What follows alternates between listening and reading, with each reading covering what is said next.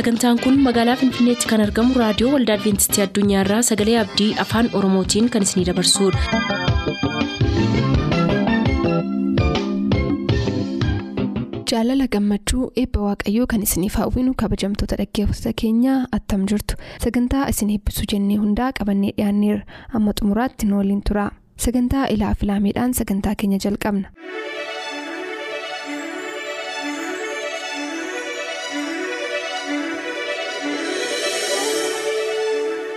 Ilaaf ilaamee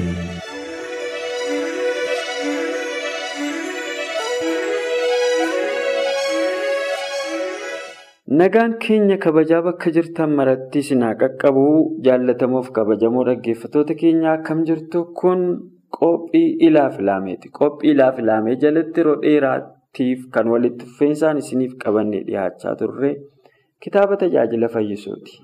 Har'as kitaaba tajaajila fayyisu jedhu kana keessaa seenessaa fi seenaa isiniif qabannee dhiyaannee jirra. Kutaa shanaffaa kutaa lammaffaan keenya. kanatti fufee dhiyaata isinis nu waliin ta'a. Tajaajila fayyisuu boqonnaa shan lubbuu fayyisuu.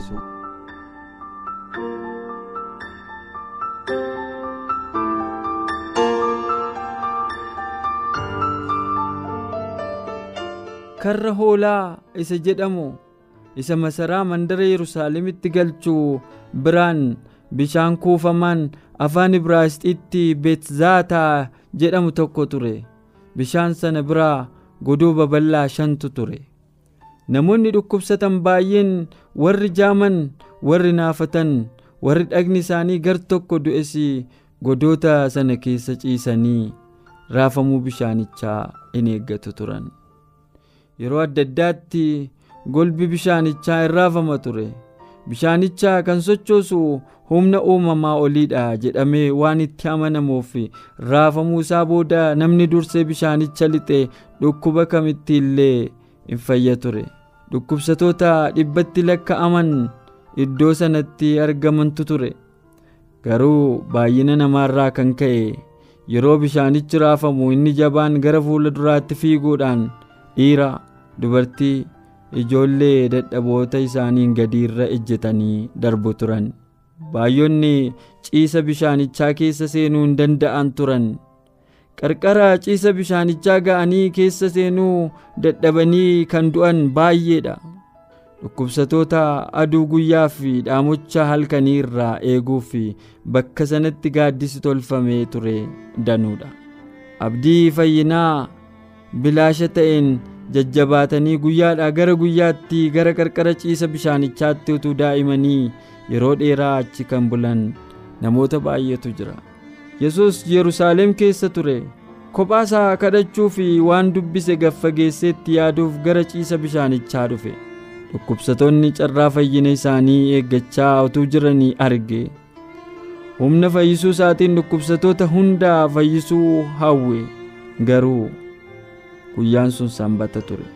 Namoonni baay'een waaqeffannaadhaaf gara mana qulqullummaatti yaa'u turan. Hojiin fayyisuu kunis jibba warra yihudotaa kakaasuudhaan hojii isaatti gufuu akka ta'u akeekkatee beeka ture. Fayyisaan garuu gidiraan namni tokko keessa jiru cimaa ta'uusaa in hubata.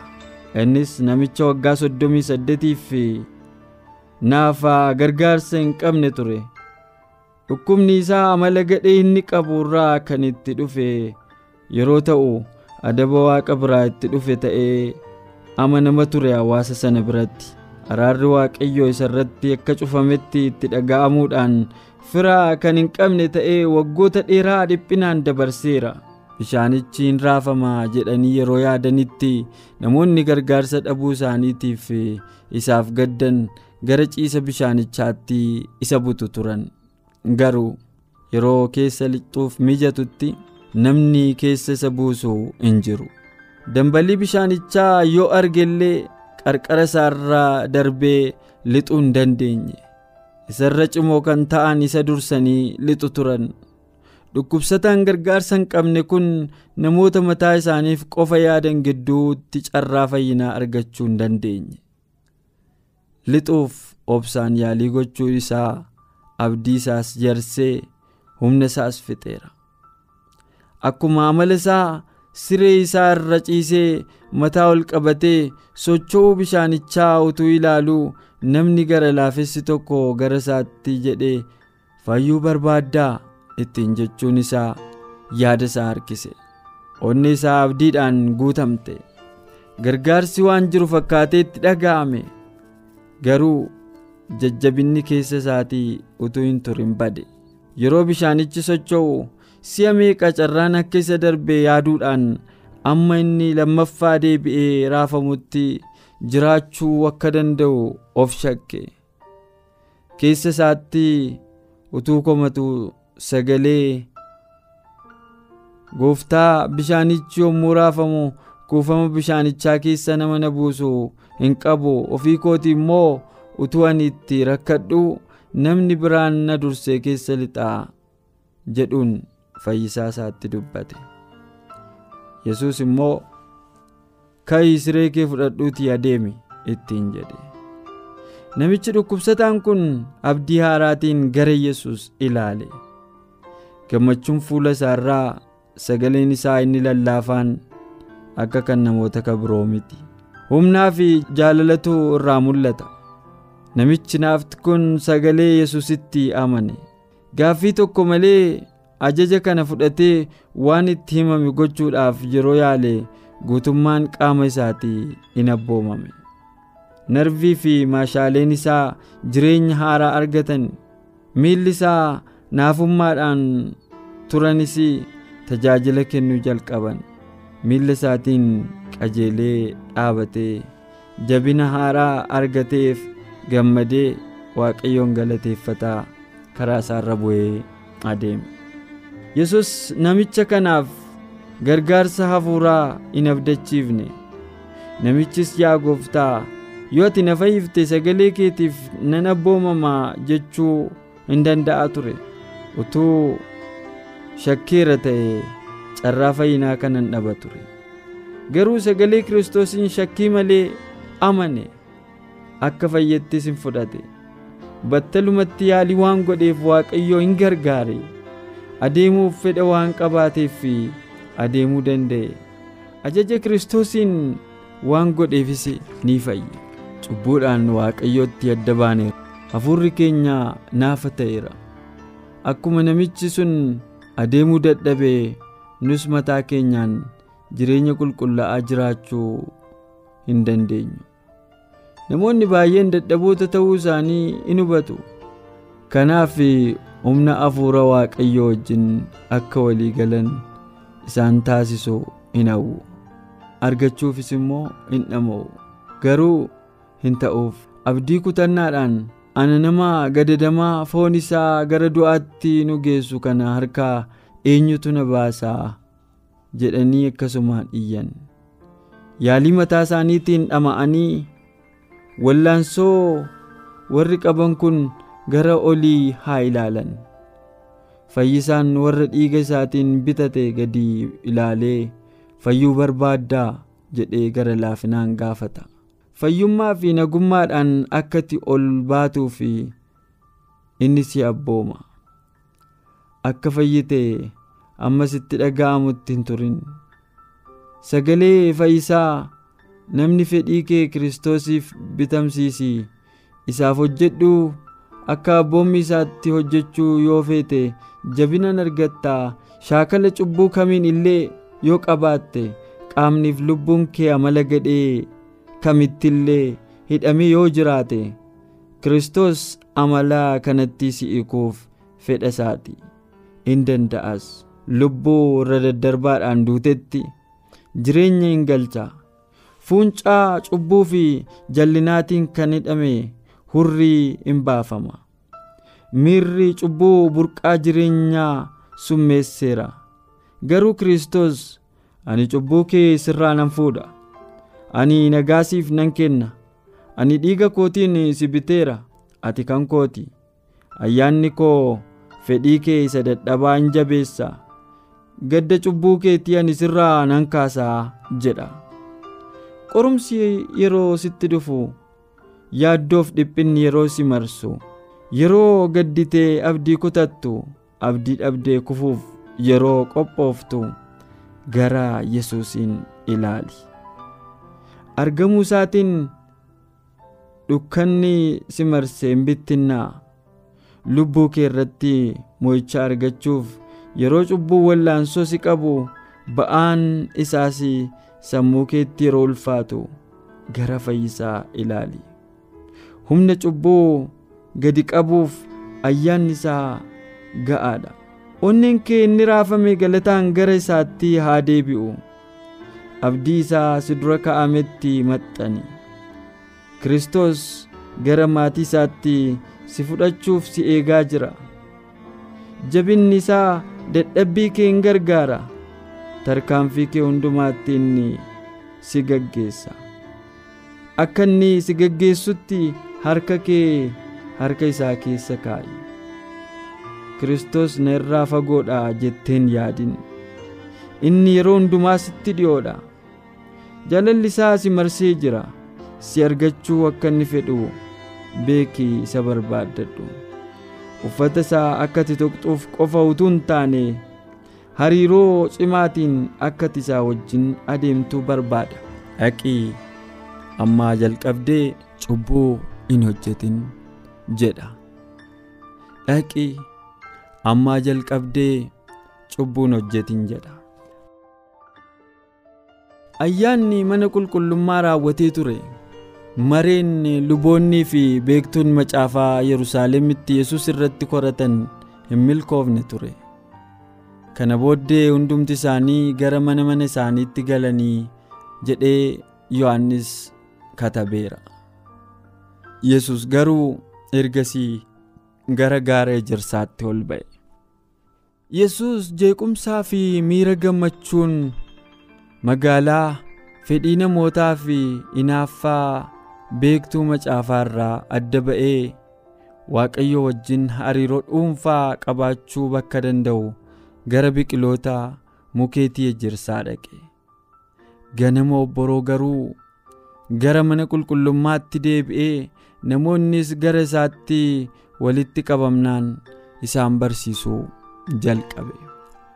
Akka tasaa barsiisa isaa gargar kute. Fariisonnii fi beektuun macaafaa dubartii naasuudhaan qabamte tokko abboommii torbaffaa cabsite jedhanii sagalee guddaadhaan wacaa utuu isaan harkisanii arge. Yesuusin duratti fiduu fi dubartii kana daddarbachaa kabajaa of tuulummaadhaan guuteen barsiisa dubartiin kun utuu ejjituu qabamte museen seera keessatti dubartoota akkasii dhagaadhaan rukunnee akka ajjeefnu nu abboomeera. Egaa ati immoo maal jetta? jedhan. Kiyyoodhaan isa qabuuf hammeenyi isaan isa irratti koratan kabaja fakkeessaatiin kan dhokate ture.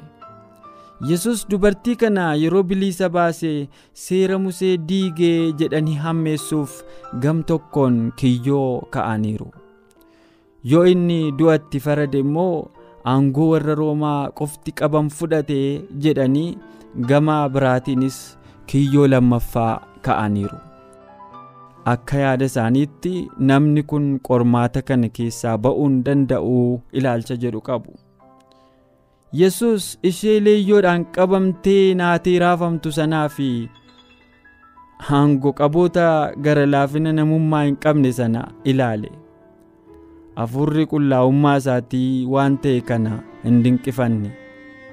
Akka waan hin dhageenyeetti gadi gugguufee lafatti barreessuu itti fufe. Utuu deebii hin kennin turuu isaa irraa kan ka'e akka waan inni callisee dhiiseetti fudhatanii obsa dhabuudhaan warri hammeessituun sun isatti dhiyaatanii tuttuquu jalqaban. Garuu waan yesus miilla isaa jalaa daandii irratti gochaa jiru irra iji isaanii yeroo qubate sagaleen isaanii ni callise. Yakki dhokataan jireenya isaanii keessa jiru hundumtuu barreeffama sanarratti ibsame mul'ateera.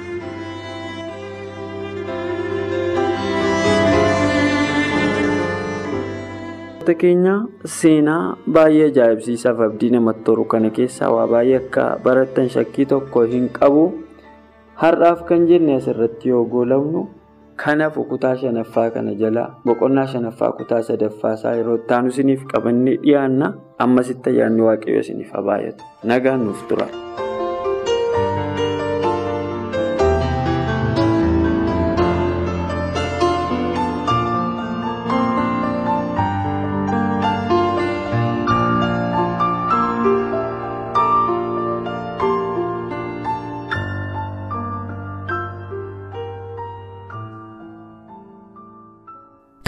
Raadiyoo keessan banattaniif kun raadiyoo waldaa adventistii addunyaadha sagalee abdii.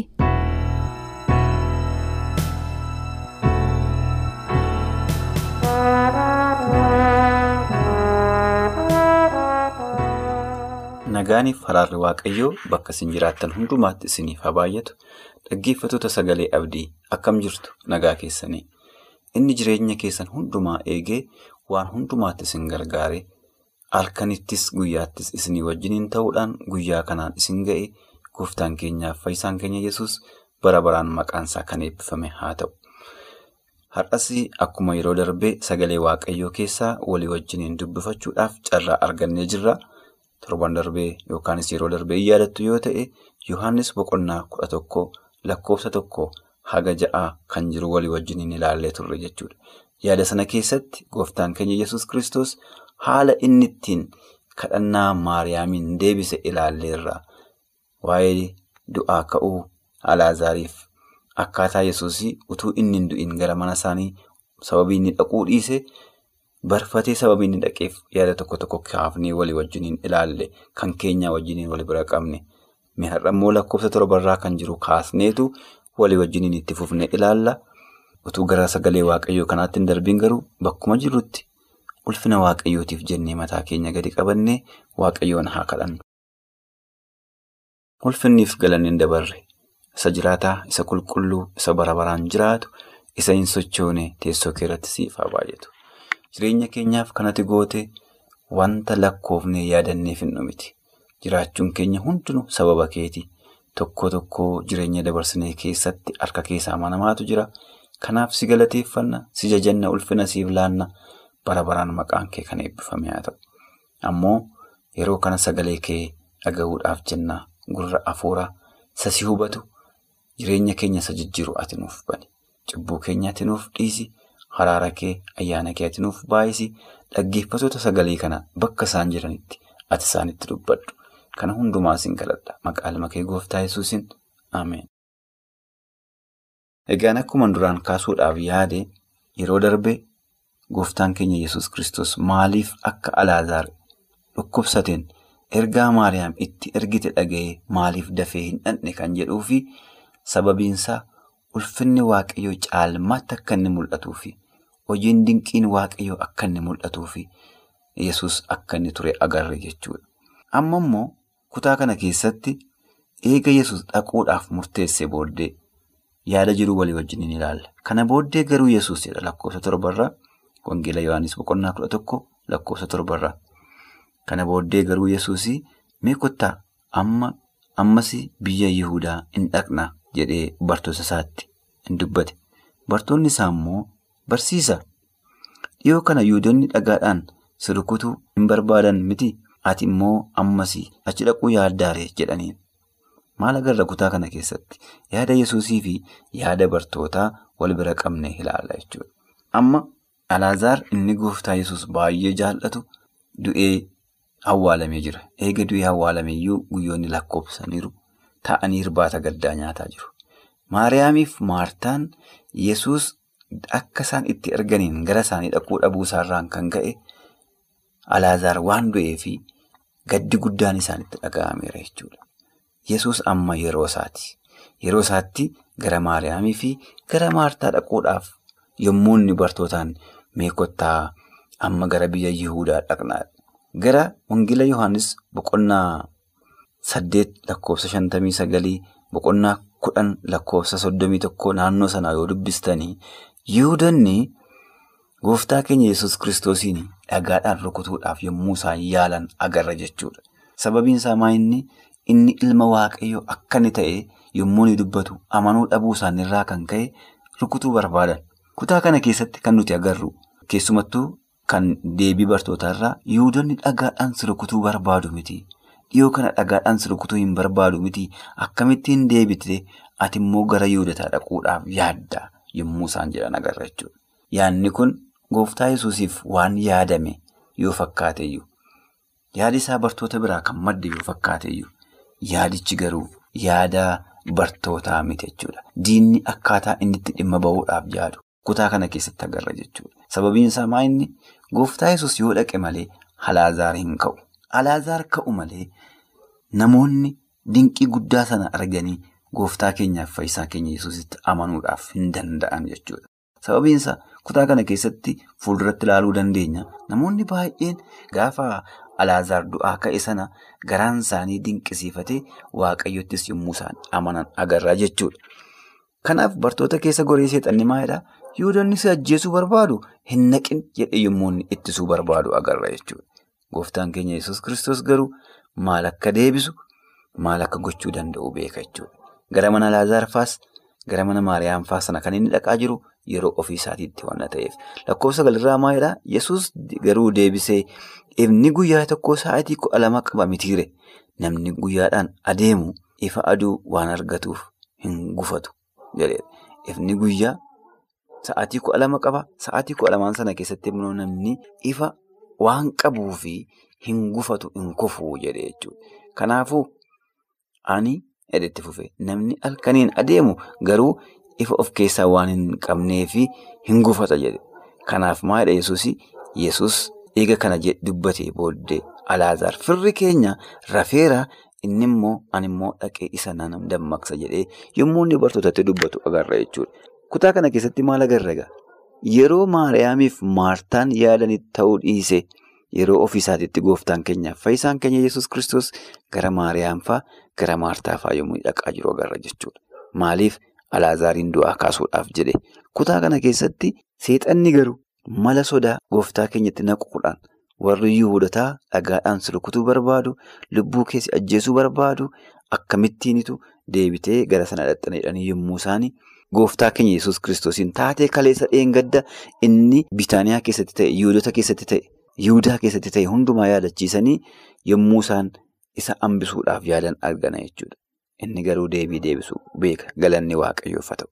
Fayyisaa keenyaaf gooftaa keenya Yesuus Kiristoosiin doorsisni, dukkanni, fageenyi, haalli wanti kamillee isa nurraa hin ittisu jechuudha. Waan hunduma jireenya keenyaaf kan barbaachisu yeroo ofiisaatiitti sa'atii barbaade halkana ta'uu guyyaa, ganna haa ta'u bona, rakkina keessatti haa ta'u bal'ina keessatti gara keenya dhufuudhaaf waaqayyo yeroo ofiisaatii qaba jechuudha. Eeyyee dhugaadhaa warri Yihuudotaa Yesuusiin dhagaadhaan rukutuu barbaadu eeyyee dhagaadhaan rukutuu barbaadu. Haa ta'uyyuu malee gooftaa keenya Yesuus Kiristoosiin gara Alaazaariin dhaquu irraa hin itti himne jechuudha. Sababiin isaa warri Yihuudotaa gooftaa keenya Yesuus Kiristoosiin akka fayyisaatti hin fudhanne waan ta'eef. Kanaaf gooftaan keenya Yesuus akkas jedhe guyyaan hin dhufa amma guyyaan amma keessa jiru kun ifa kan inni itti hojjechuu hin dandeenye hin jira waan ta'eef.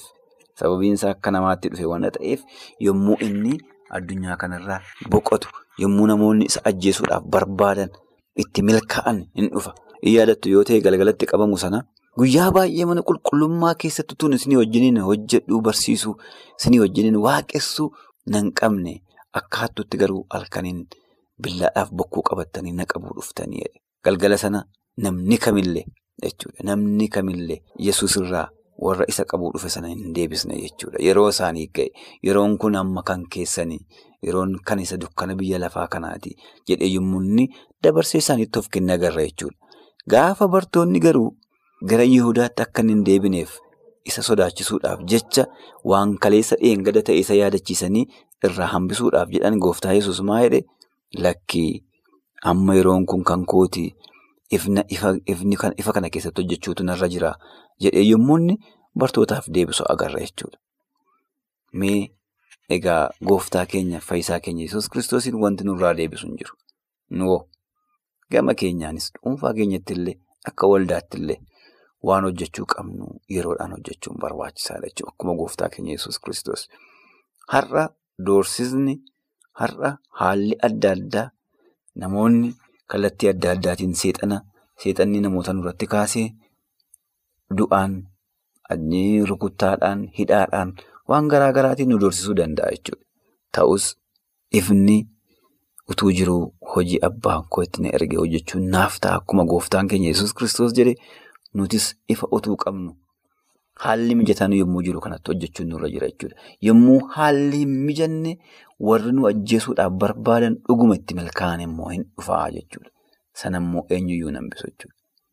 Sababiinsaa yeroo nuyi itti duunu sun yeroo itti ulfina waaqayyoo agarsiisu ta'uu danda'a jechuudha. Sababiinsaa yeroo nuyi itti hidhamnu sun yeroo itti ulfina waaqayyoo agarsiisu ta'uu danda'a waan ta'eef. Waaqayyo waan godhu hundumaa isaatii fi sababii qaba waan ta'eef jechuudha. Kanaaf akkuma jedhe gara mana Maariyaam fa'aa gara mana Maartaa fa'aa hin naqe waan gochuu barbaade sana hundumaa hin godhe jechuudha. Gooftaan keenya yesus kiristoos yommuu achi ga'e namoonni baay'een yommuu inni Alaazaariin du'aa kaase ija isaaniitiin dhaabbatanii argan jechuudha. Sababiin isaa akkuma dhaqeen gooftaan keenya yesus kiristoos lafa inni itti awwaalame nageessaa jedhee yommuu isaan gaafate hin geessan. Maartaa fi Maariyaam maal goota yaa gooftaa guyyaa afur buleeraa raamma'eeraa tortoreeraa amma foolii gaarii hin qabu jedhanii agartanii bartoota qofa osoo hin taane seexanni yoo danda'amee fi Maariyaamiif Maartaa keessa goreeyyuu Alaazaar akka inni hin kaanee fi hin danda'amu wayii dubbachaa jira lallabaa jira jechuudha. Maaliif jennaan tortoreera. Muuxannoo kanaan dura qaban keessatti namni akkasii ka'ee hin beeku waan ta'eef. Gooftaan keenya yesus kiristoos garuu waan godhu beeka jechuudha. Wanta raawwachuudhaaf jedhu beeka jechuudha. Kanaaf yeroo isaatti yommuu inni Alaazaariin du'aa kaasee agarra jechuudha. Isa namoonni irra tuulan namootumaan irraa kaasaa jedhe boqonnaa kana keessatti Ingila Yohaannis boqonnaa kudha tokkoo lakkoofsa soddomii sagalii kaastanii yommuu agartan dhagicha irraa fuudhaa jedhe yommuu inni namoota jiran ajajan sababiin isaa maal isaantu irra kaa'e isaantu qadaade akka Alaazaariin kaaneef boolla isaa kan cufe isaan kan deebisee saaquu qabus isaan jechuudha. Kutaa kana keessatti waaqayyoon dhagaan in ittisu galanni isaaf haa ta'u. Waaqayyoon doorsisni in ittisu galanni haa ta'u. Waaqayyoon kun hin danda'amuun namoota in ittisu jechuudha. Dhimma irratti kadhataa jirtu jira. Dhimmi irratti waaqayyoon waammachaa jirtu jira. Dhimmi ati halkaniif guyyaa imimmaan kee itti dhudhu jira. Dhimmi ati ofuma keetiyyuu awwaaltee keesse kana booddee wanni kun gatii hin qabu jettee qadaaddee keessa jira. Yesus yeroo isaatti dhufa. Amantiidhaan fuula isaa dura ture. Gaafa dhufu immoo amantii dhabuun kee isan ittisu. Fageenyi dukkanni halkanni haalli kamiyyuu isan daangisu jechuudha. Waan gochuudhaaf jedhu yeroo isaatti raawwata. Isa waan hundumaa yeroo isaatti raawwachuu beekuuf waaqayyoof galanni ulfinni haa baay'atu. Sagalee kanas amma dhumaatti obsaan waan dhaggeeffattaniif waaqayyo isin haa eebbisu jechuun barbaada. Yeroo itti kutaa wangeelaa keessaa sagalee waaqayyoo mata duree biraatiin qabannee walitti deebina. Ammasitti haraarreef ayyaanni isaa bakka isin jiraattan hundumaatti isiniif gaarii. Boor sagantaa macaafni qulqulluu maal jedhaa qabannee dhiyaan kanarraaf jennee asumaan xumur yaada sagantaa keenya irratti qabdan raadiyoo waldaa adventistii addunyaa lakkoofsa saanduqa poostaa 455 finfinnee jedhaanuf barreessa raadiyoo waldaa adventistii addunyaa lakkoofsa saanduqa poostaa 455 finfinnee.